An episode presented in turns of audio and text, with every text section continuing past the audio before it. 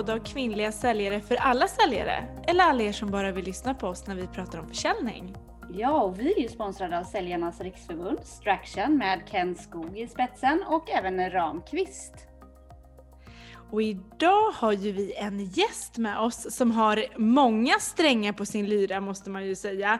Eh, allt ifrån karriärrådgivare och föreläsare, motivationstalare, men också specialist inom ledarskap och teamutveckling. Ja, och dessutom är hon ju dotter till en av mina förebilder och idoler, Jörgen Åhm. Så varmt välkommen Charlotta Åhm hit till oss i Säljmorsorna. Tack snälla. Så härligt att ha dig här Charlotta. Men du, du ska, du ska få presentera dig själv lite mer. Kan inte du berätta, vem är du? Vad, vad har du för bakgrund? Ja, det, det, var ju faktiskt väldigt spännande. Det är inte jättevanligt att jag blir presenterad sådär vem, vem jag är dotter till. så att jag tänker att eh, det började väl kanske där eh, helt enkelt med min kära far. Eh, som ju, han är psykolog i botten men har jobbat med utbildningar och ledarutveckling i de senaste, ja, i princip hela mitt liv. Så att jag är väl lite lätt uppväxt Eh, lite grann med detta hemma vid matbordet. Min mamma ja. är lärare också, så att det hänger väl lite grann ihop, tänker jag. Ja, så att, eh, lite, lite hjärntvättad är jag väl från början kanske, inom, de här, eh, inom det här området. Um, men um, ja, om jag, ska, om jag ska prata karriärsmässigt, vad jag har gjort, så så valde jag efter att ha gått gymnasiet så eh, visste jag inte riktigt eh, vad jag alls ville bli. Så bara av någon sån här lite följa John-instinkt så läste jag till civilekonom för att, eh, för att jag helt enkelt inte passade som ingenjör eller som jurist eller sjuksköterska eller läkare. eh, så det var liksom, fanns ganska få val då, så på något sätt tänkte jag, ja, civilekonom, det känns ganska brett ändå. Så att det, det läste jag till. Eh, och eh, jobbade en del under tiden. Jag gillar inte siffror, det har jag aldrig gjort. Så att jag valde marknadsföringsspåret medan jag läste. Och så jobbade jag en del extra. Och eh, jobbade bland annat på ett eh, marknadsundersökningsföretag som väl egentligen var det första så här riktiga säljjobbet eh, som jag hade. Där man på telefon, det här var på 90-talet, så på telefon skulle man helt enkelt försöka ragga tag på folk som ville svara på frågor på telefon. Och det är en viss form av införsäljning där kan man ju säga, att få dem att inte slänga på luren. Ehm, och sen jobbade jag också, medan alltså jag pluggade, jag också mycket i butik och sålde kläder och inredning och tyckte det var superkul. Eh, det här med att eh, på riktigt liksom hjälpa kunden att hitta rätt saker. Eh, sen när jag var färdig eh, med, eh, med min examen så lyssnade jag på min kloke far då som sa att eh, nu får du inte gå ut och, och, börja arbeta på någon marknadsavdelning med en gång utan försök alltså all, det, allting här i livet handlar om det är sälj. Så försök, liksom försök hitta något kul jobb inom sälj och det var ganska goda tider då, det var 98 så då, fanns det, då var det ganska lätt att söka jobb. Så jag fick mitt första jobb på TV4 som säljare och sålde lokal-tv-tid på TV4 Göteborg. Eh, och det var en eh, riktigt, riktigt spännande eh, erfarenhet får jag säga, som jag än idag när jag tänker igenom vad, liksom, vilka jobb som har lärt, vad de har lärt mig så lärde det mig jättemycket. För det var ett säljjobb eh, som byggde på eh, ganska mycket. Man kunde tjäna ganska bra i provision med en ganska liten fast lön. Och sen kom jag in i en organisation där jag var ensam kvinna, kom direkt från skolan. Eh, och eh, det fanns ju ingen som helst, alltså då internet använde man sig inte av. Eh, så att eh, det var liksom ett, ett CRM-system på, helt enkelt på, på, på papper liksom, som alla hade på, på sitt skrivbord. Så att eh, det var en extremt lärorik säljresa där jag fick lära mig verkligen från grunden vad sälj handlar om. Eh, att lyssna väldigt mycket och att anpassa sig efter olika människor och prata med bönder på bönders vis. Så att jag kunde ju ena stunden, ja, men då skulle jag åka och göra säljbesök hos en eh, ICA-handlare. Eh, och då såg jag till att ha på mig kanske lite mer jeans, tröja. Uh, för man visste att man kanske skulle sitta bak på hennes eller hans lager och prata. Och sen kunde jag några timmar senare så skulle jag besöka något flott konferensrum och träffa en revisorsfirma. Och då hade jag ombyte i bilen så då var det liksom på med, med kostymen. och och eh, rigga sig för ett annat slags samtal helt enkelt. Men hela tiden med väldigt stora öron. Som vi säkert kommer att komma tillbaka till många gånger tror jag. Um, och efter det så jobbade jag flera år inom mässbranschen. Eh, var projektledare för mässor och sålde mässor. Eh, fackmässor var det då. Eh, så det handlar ju också väldigt mycket om sälj, att sälja yta och sälja innehåll på konferenser och sådär. Det här var under hela IT-eran, så det var jättespännande i sig. Eh, gick jättelätt att sälja där när det gick bra och sen så kan man säga att eh, när hela IT-kraschen kom så gick det lite, lite mindre bra eh, att sälja. Mm. Så det var också en intressant resa att göra. Ehm, sen efter det så eh, gjorde jag en jättekul resa med Collector Bank där jag jobbade som marknadschef. Så där var jag ju inte, där hade jag ju inte liksom säljansvar men jobbade ju väldigt tajt ihop med, med, eh, med sälj. Eh, eftersom jag liksom på något sätt liksom har det med mig hur viktigt det är. Att inte bara försöka hitta på egna kampanjer som ser kul ut utan faktiskt att det ska vara kopplat till hur får vi in affären då. Um, och sen har jag drivit eget ett antal år med en uh, annan affärspartner. Vi var rådgivare inom hållbarhet och det är för tio år sedan. När många bara kopplade hållbarhet till att det handlade om att uh, rädda planeten uh, och inte så mycket annat. Och man tyckte att det där kan liksom andra göra. Det där måste ju inte vi, vi i näringslivet här som jobbar med det här måste kanske inte bry oss så mycket om de frågorna. Medan idag är det ju en icke-fråga. Men det var också, där handlade det också extremt mycket om sälj för att det var, vi hade en känsla av att vi ville jobba med en fråga som vi inte hade liksom helt konkret formulerat från början, utan det var mycket learning by doing tillsammans med de potentiella kunderna. Um, så att, och det tog väl nästan ett år innan vi fick in första kunden, så det var väldigt mycket jaga, jaga, jaga, men jättekul samtidigt för vi trodde mycket på idén. Men eh, eh, så jag jobbade på Wise Consulting, trivdes som fisken i vattnet. Otroligt roligt. Jobbade ju även där mycket med sälj. Det handlade ju mycket om att hålla i utbildningar, eh, hålla individuell coachning med chefer. Eh, men det var väldigt mycket att man själv skulle sälja in de här uppdragen. Så att eh, jag skulle nog säga att i perioder så jobbade jag ju säkert åtminstone 50 med, med sälj där.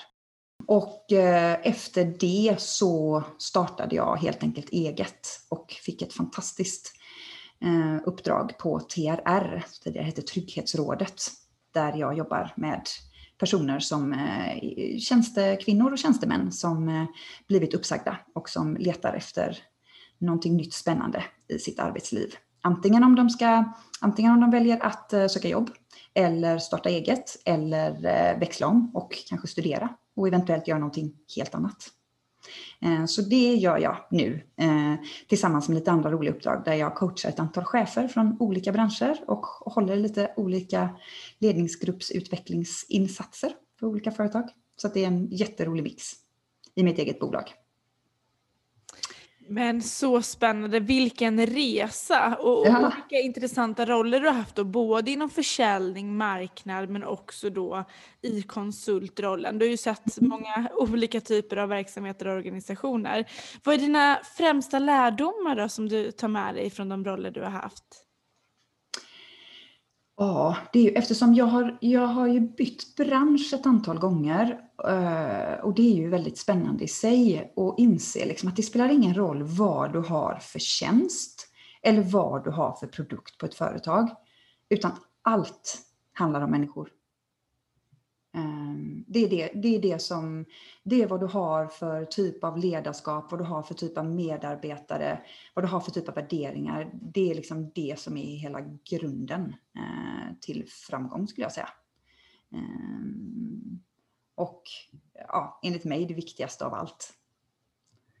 Ehm, men fokus på människorna. Jag håller med, verkligen med dig där. Och mm. hur ser du då, för då, då, när du har haft roller då både inom sälj och marknad, hur upplever du liksom att samverkan och samarbetet har varit emellan de här två enheterna eller funktionerna? Mellan sälj och marknadsavdelningen? Ja. Mm. Alltså, det här tyckte jag var väldigt spännande. Redan på mitt första jobb efter examen på TV4 var det rätt spännande för där, jag kände ju någonstans att att liksom, wow, vilket otroligt viktigt jobb eh, mina kollegor och jag har. För att det är faktiskt vi som drar in pengarna här. Så att, vi, så att vi har en redaktion och vi har råd att ha journalister och vi har råd att, att göra bra TV. Eh, Medan jag kunde från vissa håll känna ganska eh, stark lite skepsism mot att ja, men de där på sälj, de som går runt och dänger väska. Liksom. Det var, det, lite så här, det var inte riktigt lika fint som kanske var journalist eller så. Eh, vilket jag, och det kan än idag fascinera mig jättemycket.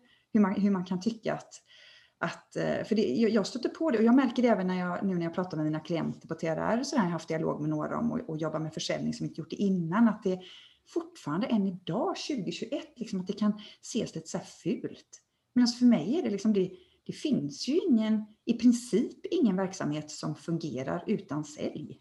Och det är mm. liksom, det är försäljningen som, som gör att alla, oavsett om du är VD eller eh, ekonomiassistent, eller, alltså vad du än gör, så är det liksom lönerna kan man betala ut för att det är någon som sälj, säljer något. Men precis, 100% av all omsättning kommer ju från försäljning som ja. vi brukar säga. Och, men vad, ja. vad, vad, tror du, eller vad tror, tror vi det beror på att det är så stor samarbetsklyfta mellan sälj och marknad egentligen? Alltså, ja, ja, det känns någonstans som att det bygger på mycket gamla fördomar på något sätt. Och kanske att man också, till viss del lite grann måste jag faktiskt säga att jag lite förstår det. För det, det har fascinerat mig när jag mer har suttit i roller där jag liksom har suttit på andra sidan bordet, där jag mer har varit marknadschef eller kommunikationschef, där jag, där jag, ska, där jag har mycket säljare som försöker kontakta mig. Och, och, ibland om jag har varit tillräckligt intresserad så har jag då till och med liksom träffat dem, haft ett möte.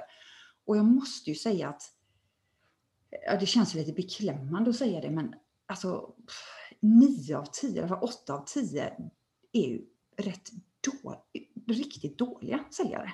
Mm. Eh, av den enkla anledningen, och det fattar inte jag, för det känns som att det ingår ju i säljkurs 1A alltid, att sälja handlar inte om att ha en stor mun. Du ska ha en jätteliten mun, men otroligt stora öron och en nyfikenhet. Eh, och det är precis som man har glömt det. Och liksom bara börja med och är så liksom inne i att ja, men nu ska jag visa min powerpoint-presentation här för att verkligen liksom eh, bevisa för henne att vad bra vi är så att hon vill köpa. Medan liksom det, det är många gånger jag har träffat säljare, så när man har avslutat mötet känner man så här, okej, okay, och vad frågade han? Det har ganska ofta, ofta svarat han. Vad frågade han om mig egentligen? Vad, vad det var jag verkligen, vad jag var just nu, vad som var mitt största huvudbry Eh, vad jag tyckte var mest utmanande just nu, eh, det glömde han visst. Men han körde 17 slides om sin produkt eller tjänst. Det, så att, ja, kanske Där är både... du inne på något jätteintressant just när du nämner PowerPoint. För att jag och Helena har ju suttit i olika projekt, nämligen, ja. Eh, där man har vävt in eller tillfrågat oss säljare att, att, att titta på innehållet eller contentet i varje PowerPoint, företagspresentation. Uh, och uh, där vi har fått skicka till oss från marknadsavdelningen kanske ja, 20-25 slides, minst ja, ja. liksom. Och där vi har suttit så här varje gång och bara så här dragit våra hår så här. Men herregud, vi måste ju få fram vad är det för uspar vi har? Vad mm. är det vi kan leverera? Och vad är det för pris vi har? Alltså, vi tycker ju att pris ska till exempel vara en del av företagspresentationen. Vad är det ja. vi kan leverera och vad kostar det? För det är oftast ja. det som kunden faktiskt efterfrågar. Ja, och ändå mm. är man liksom så här, det vill man helst bara gömma och inte presentera det första man gör. Och där tycker jag så här, äh, har man lyssnat på sälj, vad är det som kunderna säger där ute? Eh, så, så vet man ofta vad kunden vill se i en powerpoint. Mm. Ja men precis och, och, just det som Charlotta är inne på då att, att faktiskt vara den säljaren som inte pratar under hela det här kundmötet utan en företagspresentation tänker jag själv inte ska vara längre än, än tio minuter på sin höjd. Så att då får ju inte det vara för många slides och återigen det är ju för att du ska kunna göra behovsanalysen och ställa frågorna till poten den potentiella kunden för att sedan avgöra om ni är rätt partners för varandra. Så mm. det, det, är intressant, där får vi ju in både just det här samverkan mellan sälj och marknad men också utmaningen för säljare för att det, både du och jag Johanna kände ju precis samma sak. Att vi, vi får dels försvara att vi jobbar med försäljning idag.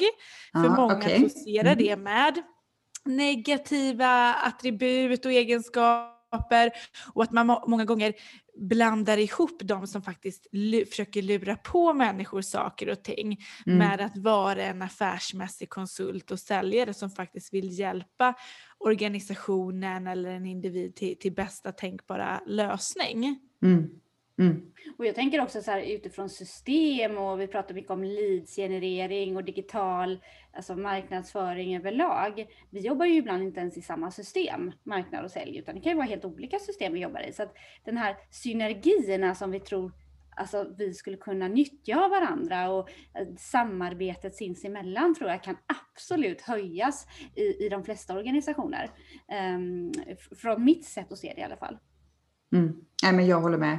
Helt och fullt. Alltså, jag har som sagt alltid när jag har jobbat på marknadsavdelningen så har jag gillat att jobba riktigt tajt med sälj. Men jag har ju också sett, eftersom jag varit mycket konsult och varit ute i många olika organisationer, så har jag verkligen sett det här nästan, och ibland nästan skrämmande, så här, nästan lite vattentäta skott mellan sälj och marknad.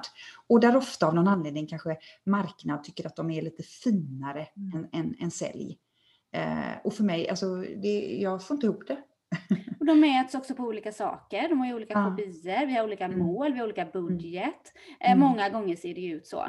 Men jag mm. tänker så här att om jag ska skriva, jag älskar att skriva offerter. Det är ingen hemlighet. Jag gillar kreativa offerter. Men jag är inte en stjärna på det. Jag är egentligen självlärd. Jag har lärt mig själv. Men jag ser många gånger hur jag skulle kunna utvecklas tillsammans med marknad att göra snygga present snyggare presentationer.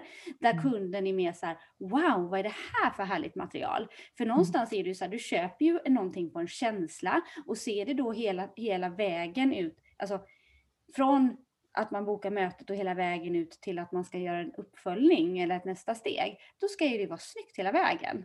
Mm. Uh, och där tror jag vi absolut skulle kunna jobba mycket, mycket mer ihop. Mm. Uh, för att där finns det ju otroliga resurser på marknad som är jätteduktiga på det bildliga, mm. det kreativa.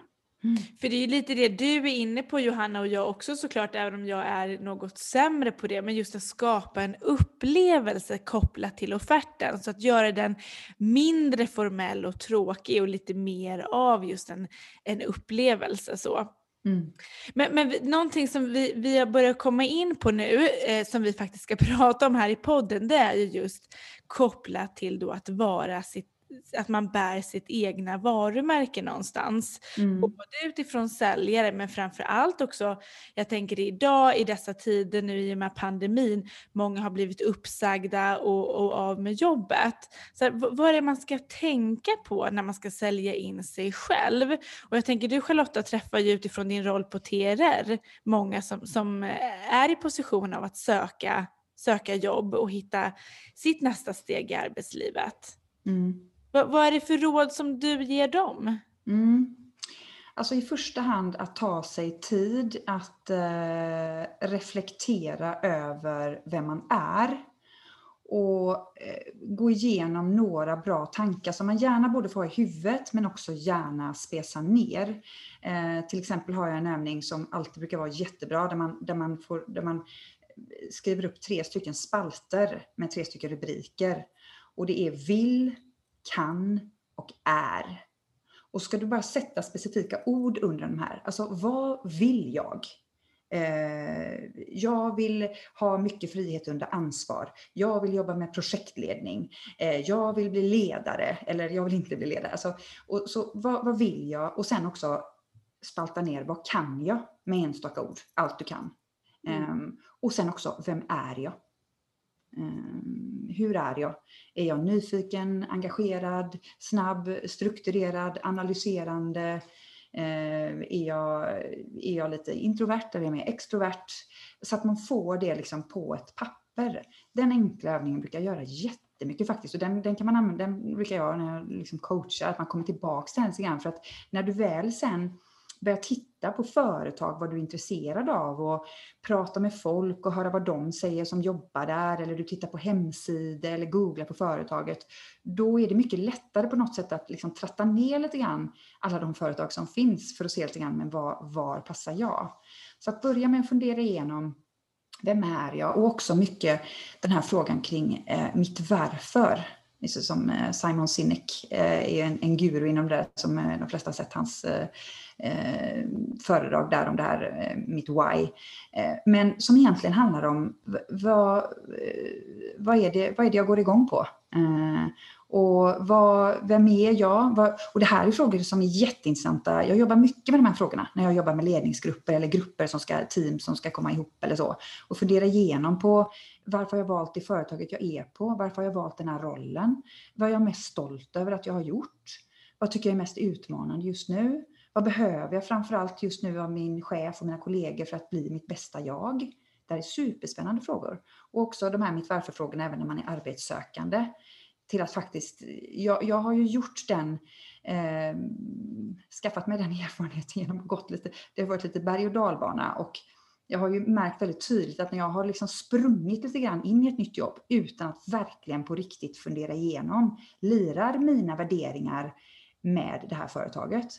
Eh, och det där är ofta, alltså jag, när man backar bandet så är det ofta en mag, bara när man, har, när man fick då gå till företagen och komma in på ett ställe så får man ganska snabbt en magkänsla för hur är det här? Lirar liksom min magkänsla med det här bolaget? Um, så att, eh, det, det är många gånger har jag tänkt på att man kanske ska borde praktisera på sitt bol det bolaget man söker ja. Eh, sig till en liten stund innan man faktiskt tackar ja. ja. Därför att det är så många gånger man kanske känner så här att nej, det har inte alls lirat. Man väljer ju ändå varandra på något sätt. Ja, visst. Visst är det så. Nej, men så någonstans kommer underfund med, liksom, bli lite mer trygg i sig själv då, eh, när, man, när man är utan jobb. Att, eh, vem är jag först och främst? Eh, och vart vill jag? och därefter liksom börja lite resan med att, med att hitta nytt. Och där tycker jag, nu beror det ju väldigt mycket på hur man, jag är en väldigt extrovert person och får väldigt mycket energi och kommer på mycket nya tankar när jag träffar andra människor. Så det, är man lite mer lagd åt det hållet så gör det enormt mycket. Alltså när jag har, när jag har sökt nytt jobb så har jag ju bara jag har bokat så mycket, jag har varit uppbokad i princip varje dag med antingen ett frukostmöte eller lunchmöte eller både och bara för att träffa folk som även om jag inte känner att ja, men där den här bekanta eller den här vännen jobbar vill jag absolut jobba. Utan bara liksom för att få igång tankarna och lite grann liksom börja, det är ju som en tratt någonstans, man börjar högt upp i en tratt liksom. Där det finns möjligheter precis nästan överallt och så långsamt, långsamt, långsamt tillsammans med andra, genom att träffa andra, så liksom tratta ner lite, okej, okay, var liksom passar jag någonstans och vart vill jag vidare? Det tycker jag är väldigt intressant det du är inne på, för det är många så här, när jag, när jag pratar med folk så, så är det många som säger så här, men vad vill jag egentligen? Eller vad, vad, man vet inte riktigt vad man vill. Nej. Vad, är, vad är ditt tips då för att liksom hitta till vad, vad ska jag bli när jag blir stor? Mm. Eh, då, jag, jag vill nog nästan åt, det finns, jag har massor med övningar man kan göra, men jag tycker den här vill, kan och är, eh, är den, är så, den är så genialt enkel och just ja, därför så bra. Mm. Eh, för att du får, det, det, blir så visuellt för dig själv när du bara gör de här tre enkla spalterna med liksom enstaka ord. Att komma tillbaks till det och gärna fylla på. Det är ofta så att den börjar med kanske inte jättemycket och sen så gång för gång man tittar på den eller, liksom, eller tittar, på, tittar på företag eller träffar någon ny människa så kommer man på nya saker som man kanske vill göra eller som man kommer underfund med hur man är. Ehm, ja, men jobba med sin, sin egen lista egentligen hela ja. tiden och fylla på med saker som man kommer på där. Det tycker jag är ett jättebra tips. Är det här en modell som du har hittat på själv eller är det, finns, det någon, finns det något eh, den, jobbar, den jobbar man med. Det gör, vi, det gör vi både på TRR och eh, jag har jobbat med tidigare också.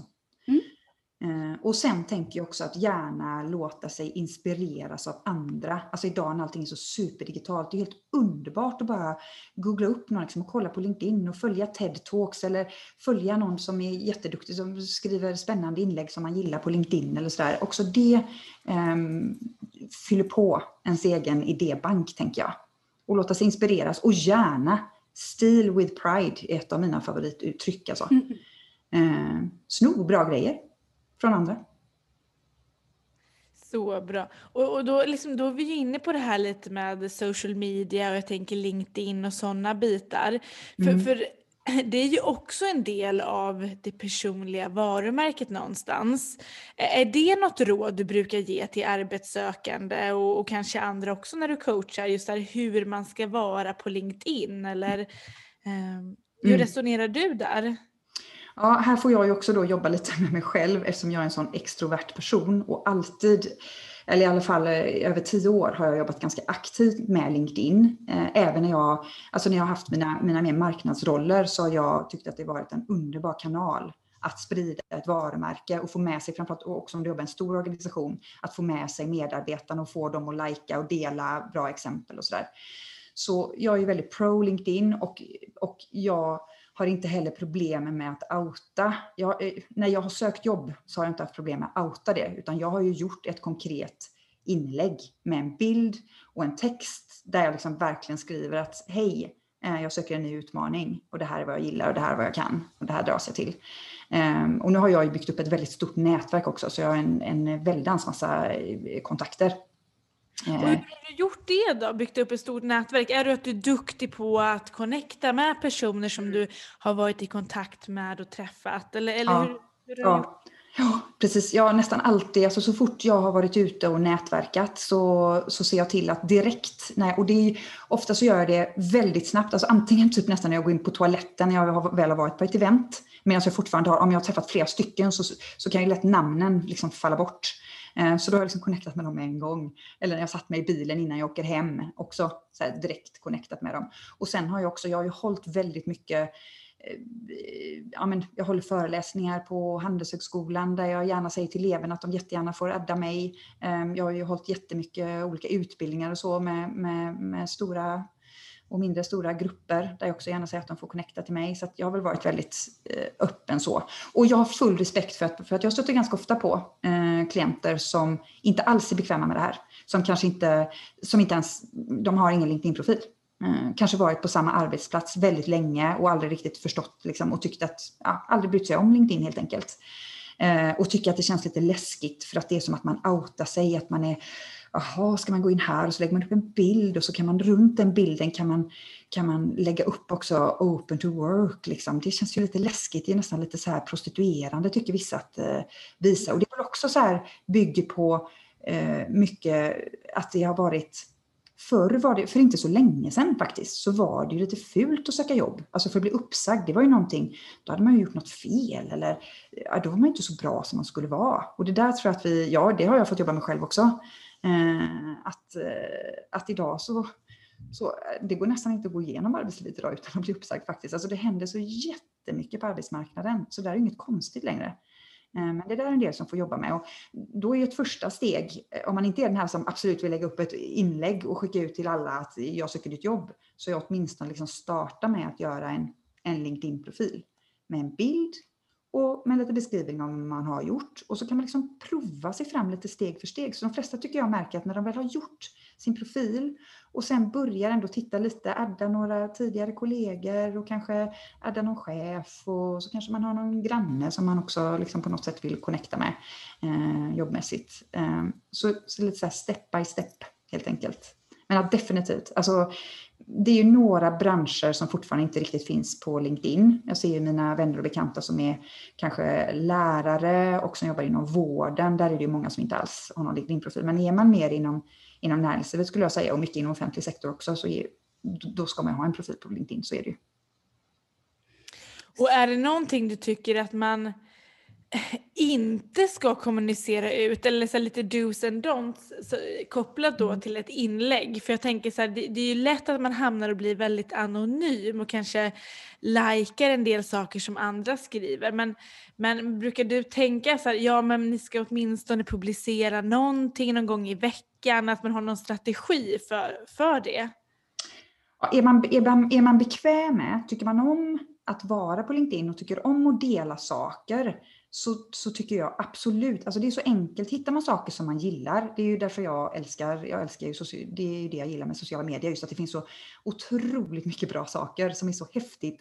Där man, inte, man behöver inte uppfinna hjulet igen, utan det är bara, men det, det är sån kraft i att dela bra saker.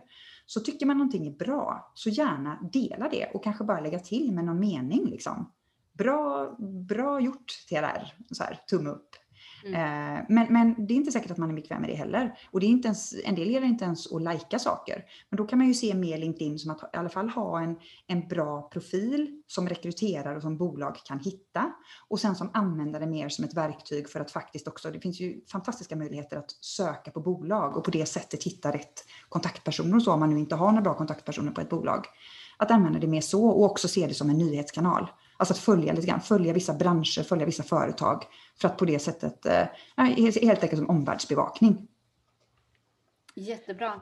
Och om man ska sammanfatta lite så här också kopplat till sitt personliga varumärke. Man vill, man vill helt enkelt bli bättre på att, um, på att bjuda på sitt var personliga varumärke. Hur, hur, hur, vad är dina bästa tips?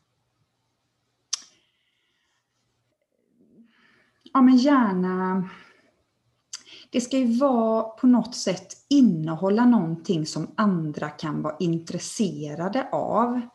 Alltså för att om man, då, om, om man, om man, jäm, om man jämför till exempel med Instagram, där funkar det ju på ett lite annat sätt. Alltså där kan det ju vara att bara lägga upp en fin eh, middagsdukning eller eh, ett barn i geggamojan eller liksom när katten gör konst eller så här, liksom mer som, som kanske inte som är kul för stunden för den som, som eh, tittar på ditt inlägg. Medan på LinkedIn handlar ju mer om på något sätt att det ska vara matnyttigt för någon som läser det.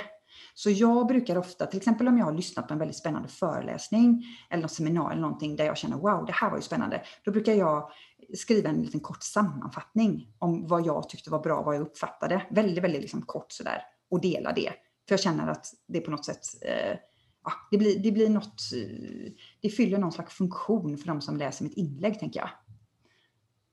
Ehm, och förstås hålla sig till den positiva sidan. Alltså inte, inte racka ner, absolut inte. Det är ju fett no-no. är ju att på något sätt om man kanske är ledsen och bitter på en tidigare arbetsgivare eller på något företag av eh, något slag. På LinkedIn passar det inte att eh, säga dåliga saker då gör man bort sig. Jag hade, jag hade en man för ett tag sedan som eh, tyckte till i mitt kommentars, eh, bland mina kommentarer, vad han tyckte om, jag brinner mycket för jämställdhetsfrågan och så hade jag delat någonting kring det och då uttryckte han sig väldigt tydligt med vad han tyckte. Och jag tänkte mest att, ja men stackare, han gör ju mest bort sig själv som liksom kallar mig för en idiot och ja, mm.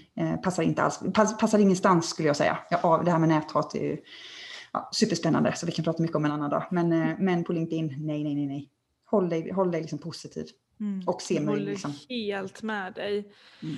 Och då när vi ändå är inne på att prata om att vara sitt egna varumärke. Jag tänker så här, utifrån en säljares roll så är man ju sitt egna varumärke. Hela tiden. Det är det, mm. det, det, du ser så, som potentiell kund. Det är lite så, det, det du ser, det, det, är det du upplever att du får också mm. eh, i samverkan och samarbete med, med den här säljaren. Då. Mm. Va, va, vad tänker du där? Va, vad ska säljare eller anställda generellt just tänka på när det handlar om då att, att vara sitt egna varumärke? Ja, men här tänker jag att här är ju starkt kopplat till det här med att se till att vara på rätt ställe. För är du på en arbetsplats där du, där du inte trivs eller jobbar med någonting som man inte riktigt, som liksom skaver, då blir du ingen bra ambassadör. Och det är på något sätt liksom, det märks, blir lite ytligt. Utan är man på rätt ställe där man verkligen känner att ja, men det här, alltså jag jobbar med att sälja den här tjänsten eller produkten och det är ju bara, alltså alla måste bara ha det här, det är hur bra som helst. Då blir man, bara av den känslan blir man ju väldigt duktig på, på, att, på att förmedla det, tänker jag. Ja men eh. verkligen, jag håller helt med. Och där har ju Johanna och jag jobbat väldigt mycket med att, ja men både när vi var nya i vår roll här på, på Mindset, att, att skriva ner liksom så här, vad är vårt why och hur mm. kopplas vårt why ihop med den arbetsgivare vi är på. Mm. Och också hitta argumenten för att ja men varför ska man samarbeta med mig och mm. med oss? Mm. Ja men precis. Tycker du att, du som har sökt mycket jobb, eller du, du kanske har blivit mm. kontaktad också, men du har varit i den här eh, situationen ganska nyligen. Jag mm. tänker också, jag, jag, glömde ställa den förut, men vad, är det någonting du tycker som man inte ska göra när man söker jobb? Eh, sådär som du har tänkt på att, nej, där gjorde jag, det, det, det där gjorde jag ett misstag alltså. Eller Helena nej. kanske vill dela med sig någonting? Ja. Har, du, har du tänkt på någonting så här, vad, man ska in, vad man inte ska göra när man söker jobb? Är det något speciellt du tänker Nej, jag på? Tänker, jag tänker inte på något speciellt, men jag tänker lite så på på hur man, alltså hur man, vad man skriver på LinkedIn och vad man, Ja. vad man kanske skriver på Facebook. Alltså man är ju, man är ju, Mm. det är ju bara att kolla upp en person idag. Det är så enkelt liksom. Ja, absolut. Alltså det där ska man ju definitivt tänka på. Att man är sitt eget varumärke 24-7. Och det är du ju oavsett om det är arbetstid eller inte. Så att eh, rent generellt, det gäller ju både, både när man är utan jobb och med jobb, att tänka igenom hur man faktiskt, eh, hur man syns, hur man figurerar i, i sociala medier bland annat. För det där kollar ju de flesta företag upp ganska fort. Mm. Och, och vi som har jobbat med rekrytering då Helena, eh, jag tänker på så här, situationer som vi kan ha hamnat i som känner så här, nej men det skulle vi inte gjort eller det, hade, det skulle inte den här kandidaten gjort. Alltså när man söker jobb kopplat till sitt personliga varumärke och vem man är, att ringa på vattnet tänker jag. Eh, så det kanske var en lite svår fråga att svara på. Men förstår ni vad jag menar? Alltså är Ja. det någonting man te- inte ska göra när man söker jobb? Eh, ska, vi säger att vi är arbetslösa, man har varit arbetslös i sex månader. Eh, man söker kanske, jag vet inte, 20 jobb i veckan. Det är ju rätt Mm. ansträngande också att söka jobb. Mm, oh, Alltså det tar ju mycket på krafterna. Mm. Ja men Mm. och kopplat till det, då kan ju jag säga att så här, nej, men någonting som jag kunde märka då när man satt och, och kontaktade potentiella eh, eller kandidater då, det, det är ju det här att när man sa ja men du har ju sökt tjänsten som och sen så sa man vilken tjänst det var. Och så säger kandidaten ja det kanske jag har gjort. Mm, Det, det, här, första intrycket då apropå att vara sitt egna varumärke Mm. tänker jag, det, det är ju sån onödig kommentar. Istället för så här, även om du inte ens minns att du har sökt den rollen, Ja. säg så här, ja men visst har jag gjort det, eller så här, ja vad kul att du hör av dig. Men, men just det här att, att göra, ge uttryck för att jag har ingen aning om vilken roll det här är, eller jag vet inte vad jag har sökt för roller, då blir man ju som rekryterare eller arbetsgivare lite besviken. Mm. Det säger ju ganska mycket om personen, tänker jag själv i alla fall. Ja. Och jag tänker också på när jag har faktiskt sökt jobb, kommer jag tänka på nu, eh, ganska, eh, inte nyligen men innan, innan jag var på Mindset, av så här att jag inte får någon återkoppling. Alltså från kunden. Mm. De, är inte, alltså, de tänker verkligen inte på sitt personliga varumärke. Eller på företagets varumärke. Det här, hör jag, det här hör jag tydligen nästan dagligen tyvärr av eh, mina klienter. Att de eh, företagen är så otroligt dåliga på att ge återkoppling. När du, ofta, du lägger ofta ner ganska mycket jobb på att skriva ett personligt brev och, ehm, och ha ett korrekt bra CV och sådär. Så att det, jag, jag, ja, jag förstår inte Nej, att det ska vara så svårt för företagen, att, eh, eller organisationerna ska jag säga, eh, att bara ge någon slags återkoppling. Tack för din ansökan är väl det minsta. Och jag och Helena Ja, och det- brinner ju för detta sjukt mycket också med kopplat till kunder. Liksom, hur mycket Ja. som inte får återkoppling. Alltså, så här, det, är ju, det, vi, det är ju A och O. Vi är ju tillgängliga 24-7 och vi vill Mm. alltid liksom, överträffa kundens förväntningar av återkopplingstid. Och Mm. när då inte personen hör av sig tänker jag så direkt att det, det bolaget vill jag aldrig samarbeta med. Jag kommer aldrig köpa någon produkt av dem eller tjänst av dem i alla fall. Så att det blir ju ganska så här ja, det blir ganska direkt negativt Mm. för, för dem. Så att det är Mm. de arbetsgivarna som sitter där ute och lyssnar på den här podden och inte återkopplar, eh, sluta med det för att det kommer liksom bli bara dåligt eh, och Mm. dåliga ringar på vattnet. Mm. Ja men verkligen. Ja, men det handlar just det här om, om service också i sin helhet om, om man ser utifrån en säljroll. Att, att alltid just det här hålla vad man har lovat. Det, det, det är så enkelt men också ta på sig ansvaret om någonting går fel. För Mm. jag vet faktiskt här att det var Eh, en, en, en incident här i, i min nuvarande roll att vi skulle leverera ett material som drog ut på tiden av olika anledningar. Och där tog jag som säljare och kundansvarig på mig roll, liksom ansvaret direkt och sa att det här, det här är mitt fel, jag ber om ursäkt. För, för att dels ser jag, ju, ser jag att man vinner förtroende för att man tar ansvar och inte försöker sopa någonting under mattan. Och sen är det ju så också att det är så viktigt för kunden också att få faktiskt prata av sig om det nu har blivit så att något mot förmodan har gått fel. Att kunden får, får prata om det här och, och berätta om sina känslor kopplat till, till besvikelsen eller missödet eller vad det kan vara. Och, och det öppnar man ju upp för när man också tar på sig ansvaret och ber om ursäkt. Så att det tycker jag att, att fler kan bli bättre på, just det här att ja, men, ta ansvar för om saker inte riktigt blir helt korrekt. Mm och försök inte ducka. Och då kommer jag ju in på, nu är det sidospår här, men att vara sitt egna varumärke. Jag nämnde ju det för, för er här, Charlotta och Johanna, lite innan podden. Jag pratade ju precis innan podden med en, en mäklare. Jag, är ju, jag och mannen är ju på, på husjakt och eh, har varit, varit det ett tag. Men, eh, och sen så eh, kollade vi på ett hus i söndags och vi, vi är ganska intresserade. Men av någon anledning så har vi inte kommit med i den här bud-sms-konversationen och, och, tog kontakt med mäklaren för att säga det att vi, vi vill också vara med och kan tänka oss att lägga ett bud också såklart. Men, men jag lyckades ju fånga mäklaren vid helt fel tillfälle som satt på en, en lunch av något slag. Och jag jag hörde ju direkt att jag bara var besvärlig när jag ringde. Eh, och eh, när jag sa det kan du addera mig och lägga till mig i den här sms-konversationen. Du har ju mina uppgifter från i söndags. Eh, nej men och, och, då blev ju det besvärligt och nej, jag fick minsann smsa mina uppgifter om jag skulle vara med i den här sms-konversationen. Och återigen det här liksom att jag som kund eller klient, alltså att, att det är jag som behöver göra det där lilla extra när jag tycker att det ska vara tvärtom. Mm. Eh, det hade kunnat vara så lätt för den här mäklaren att säga att jag sitter lite illa till. Finns det någon möjlighet att du skulle kunna förse mig med dina kontaktuppgifter? Då hade jag ju känt så självklart. Men nu hörde jag ju direkt att jag var en besvärlig kund. Ja, och det var, det var ett telefonsamtal ni hade alltså eller? Ja, precis. Mm, du ringde henne så hon, hon plockade upp telefonen. Hon plockade, då, så hon svarade ju ändå eh, och jag hörde ju direkt att det, det, det var inte rätt läge att prata. Men jag kände det att då får ju hon säga det till mig i så fall.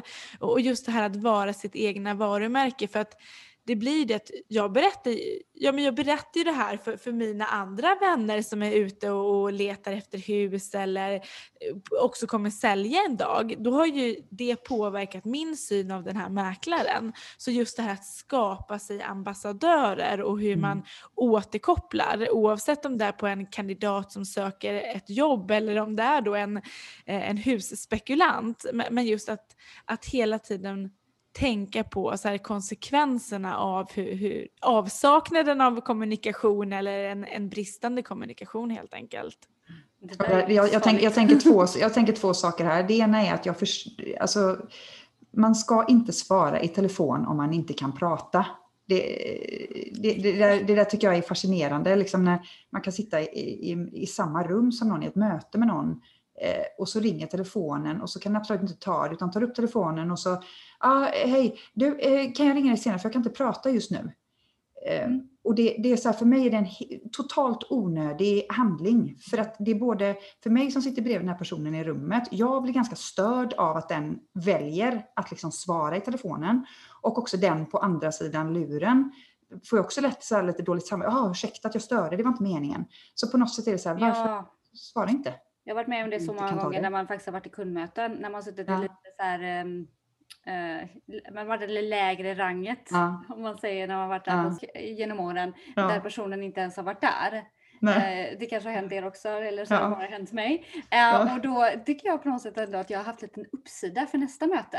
Eh, för att liksom, de ligger ju lite i underläge om de inte mm. har dykt upp. Liksom. Mm. Eh, så jag har nästan använt det lite som en sån här ja, det är ganska bra att de inte kommer för då kan jag köra på lite nästa gång lite extra. då måste de köpa någonting av mig. Nej, men ja, men bara, det där håller jag helt med om. Men visst är det en besvikelse när man har tagit sig ett par mil för ett kundmöte och sen att personen inte dyker upp och så har man laddat lite. Det blir ju ett antiklimax ändå. Mm. Ja men absolut. Men jag känner ju igen mig Charlotta det du beskriver att jag har haft kunder som har svarat på en och två och tre samtal under ett kundmöte möte. Men då har jag faktiskt sagt till slut, så här, vet du vad, jag, jag ser mm. att du är lite ofokuserad, du verkar ha annat som du behöver prioritera. Och det, det, jag ska säga, vi kommer behöva en timme till vårt förfogande. Så därför föreslår jag istället att vi bokar om den här tiden till ett tillfälle mm. som passar dig bättre. Mm. För, för jag upplever att då visar jag på värde av mig själv eh, och min tid men också att jag tycker att det är viktigt. Det är, liksom, det är viktigt för oss båda att lyssna under den här timmen. Och med en gång när jag säger det, för jag, det, det är ju inte otrevligt att säga det, men man sätter lite spelreglerna någonstans. Med en gång får man deras fulla attention. Så att, mm. eh, och det är något jag skulle vilja säga till, till mig själv när jag var där mycket mer junior i min säljroll. Att, att våga stå på dig och värdesätta din tid lika mycket som, som personen du träffar. Mm. Mm. Eh, varken mer eller mindre, men just mm. att det, ni träffas på samma villkor. Mm. Det är jätteviktigt tycker jag. Helt rätt. Och det här är ju också någonting som vi tänker jag, så här, vi, vi brinner ju för frågorna också kopplat till att det bara är 27 procent av alla företagssäljare som är kvinnor. Mm. Um, och jag vet att du brinner lite för samma fråga Charlotta, men vad tror du att det beror på? Eller vad är det som, vad är det som gör att det är så få kvinnor som jobbar med företagsförsäljning i Sverige idag, tror du? Alltså jag tror att det hänger ihop med lite det här gamla fördomar återigen. Att man är lite såhär, nej men jag är ju ingen sån som vill kränga saker liksom. Mm. Um, så man, ja, men, uh, ja, man, man har en viss bild av sälj. Medans, alltså jag tycker ju sälj, det är så vansinnigt roligt. Det, det är liksom, jag, jag bara älskar det. För att, för att det handlar, och jag tänker att vi är ju, vi är egentligen säljare oavsett vad man har för roll. Alltså på sätt och vis så är man ju säljare till sin partner. Mm. Alltså sitt eget varumärke är man ju till både partner och eh, föräldrar och ens barn och eh, lärarna i skolan, kompisar, grannar. Alltså sen kan det låta lite, jag förstår, vissa säkert tycker, ja men vadå varumärke liksom, allting handlar inte om... Men, men, på, sätt, jo, men på sätt och vis, om man får lov att liksom sätta lite den etiketten så handlar det ju om det. Mm. Eh, att, sen ska man inte för den saken skulle lägga upp någon yta. Men det är, det är väldigt mycket som kretsar på sätt och vis kring sig tycker jag. Och, och, och, så att jag tror att det här med att det är mycket, för det stöter jag också på, kvinnor som liksom, men sälj det är ingenting för mig, där jag kan känna så här, jag får nästan övertyga bara, gud, du är ju som gjord för säljare. För att du älskar kundkontakt, du är jättenyfiken och du har, du har en förmåga att ha riktigt stora öron. Det är ju liksom, det, det är det det handlar om. Mm. Och, då är det, och, och just att hitta behov hos människor och tillfredsställa dem. Och, och jag skulle säga att just det här att jobba också med, för jag har alltid gillat väldigt mycket att jobba med långsiktiga relationer. Det beror lite på vad, vad för typ av sälj man gillar. Men det är ju så otroligt fint att få följa en kund över tid. Mm. Alltså att kanske sälja in någonting till någon som blir nöjd så att den vill ha mer eh, till fler kanske. Eh, det är ju liksom, det är ju magiskt. Mm. skulle jag säga. Eh, så att, så att det, jag vill verkligen, alltså verkligen säga till alla tjejer att eh, sälj är bara grymt kul. Um, absolut. Ja, vi håller så med så mycket. Ja, det är väldigt synd och det, vi, vi vill ju gärna vara med och förändra den, eh, ja. den statistiken. Så att, men tror du också att det är skillnad på hur män och kvinnor säljer in sig själva kopplat till det personliga oh, ja. varumärket? Oh ja, oj oj oj. Mm. Det, det, är väl inte något nytt för någon men alltså jag ser det gång på gång. Eh, både bland, bland, eh, och ibland bland jätteseniora kvinnor som man tycker, herregud, du är ju för fasen bäst liksom. Som ändå någonstans, ja ah, men du vet jag, om jag tittar på den här annonsen nu så är det jag, visst jag är kemiingenjör och jag har varit chef och, och, och jag har erfarenhet från den här, den här branschen och så, men och så har de hittat någon grej som de inte kan. Och lite så, här, så nah, vet inte riktigt ändå om det är jag. Och de ville, liksom, de ville ha flytande franska. Och jag, har ju bara, vet, jag bodde i och för sig i Frankrike i tre år, men jag, jag vet inte om jag kan säga att jag är flytande ändå. Och så, medan man träffar på, om du, om du tittar på samma CV eh, på en man, eh, så är det liksom, ja, nu låter jag jättegeneraliserad, men det är faktiskt verkligen så att det är så här, ah, franska inga problem, läste jag i gymnasiet, det var i och för sig 25 år sedan, men ja, det kan jag ta upp igen. Och där, där tänker jag att det är det är så himla viktigt att, att tjejer, kvinnor, eh, jag stöter på så många som vill vara 100 procent. Mm. Alltså man vill leverera till 100 procent. I både i jobbet, i sin säljroll, i sin chefsroll, eh, som, som eh, fru, partner, flickvän, som mamma, som dotter, som syster, som kompis, som granne, som husägare. Och det, mm. det, det håller ju inte liksom. Och, och därför att att någonstans ha lite som mantra att göra saker och ting 80-procentigt. Det räcker hur långt som helst. Mm. Och det är det jag tycker jag kan se hos många män. Att de gör grejer 80-procentigt. Och lite sådär, ja, on the fly liksom. Och det, det, det, i 99 fall av 100 så funkar det. Ehm, så där tror jag vi har jättemycket. Och jag, jag hade en, en, en, kvinnlig VD ett antal år som jag lärde mig jättemycket med det här. Hon var inte så himla noggrann utan det var ganska mycket, hon bara körde på magkänsla. Um, och det, jag tror att det, det formade mig ganska mycket att liksom se det, att det går att inte vara sådär 90 gritty att allting ska vara så perfekt utan bara kör. Mm. Uh, och tänk 80 procent. Gud vad befriande. Det känns jättebra eh, faktiskt. Ja, men att starta den här veckan med Charlotta. Att att faktiskt inte vara 100, 120 procent som man ibland vill vara. Det räcker mm. gott med 80 procent. Och sen snällhet, mm. man kommer oerhört långt med snällhet.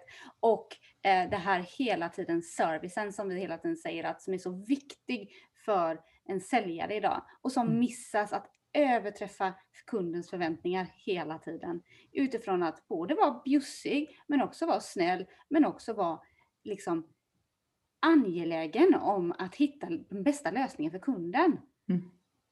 Ja, och där tänker jag eftersom många kvinnor generellt har ganska högt EQ så är man ju också ganska duktig på att just aktivt lyssna. Och det är ju genom att aktivt lyssna som man också blir kreativ och kan komma med de här kundanpassade lösningarna. Så att allting liksom följer ju en, en röd tråd någonstans. Så att eh, vi, vi hoppas att många kvinnor där ute känner sig inspirerade av att anta rollen som säljare och att man verkligen får möjlighet att hjälpa både människor och organisationer på bästa sätt. Ja mm. men jättebra. Jag tycker jag känner mig så inspirerad att börja starta den här veckan. Eh, jag vill tacka dig oerhört mycket Charlotta för att du kom hit idag. Eh, vi tackar också våra lyssnare som har lyssnat på den här podcasten och vi tackar våra sponsorer Ramqvist Distraction och Säljarnas riksförbund. Stort tack för att du kom hit Charlotta. Tack snälla, det var ett nöje. Ja, tack och hej och ha en fantastisk vecka och fortsätt följa oss på LinkedIn och på Instagram och följ eh, Säljmorsornas podcast. Ha en fantastisk dag allihopa. Hej! Hej då!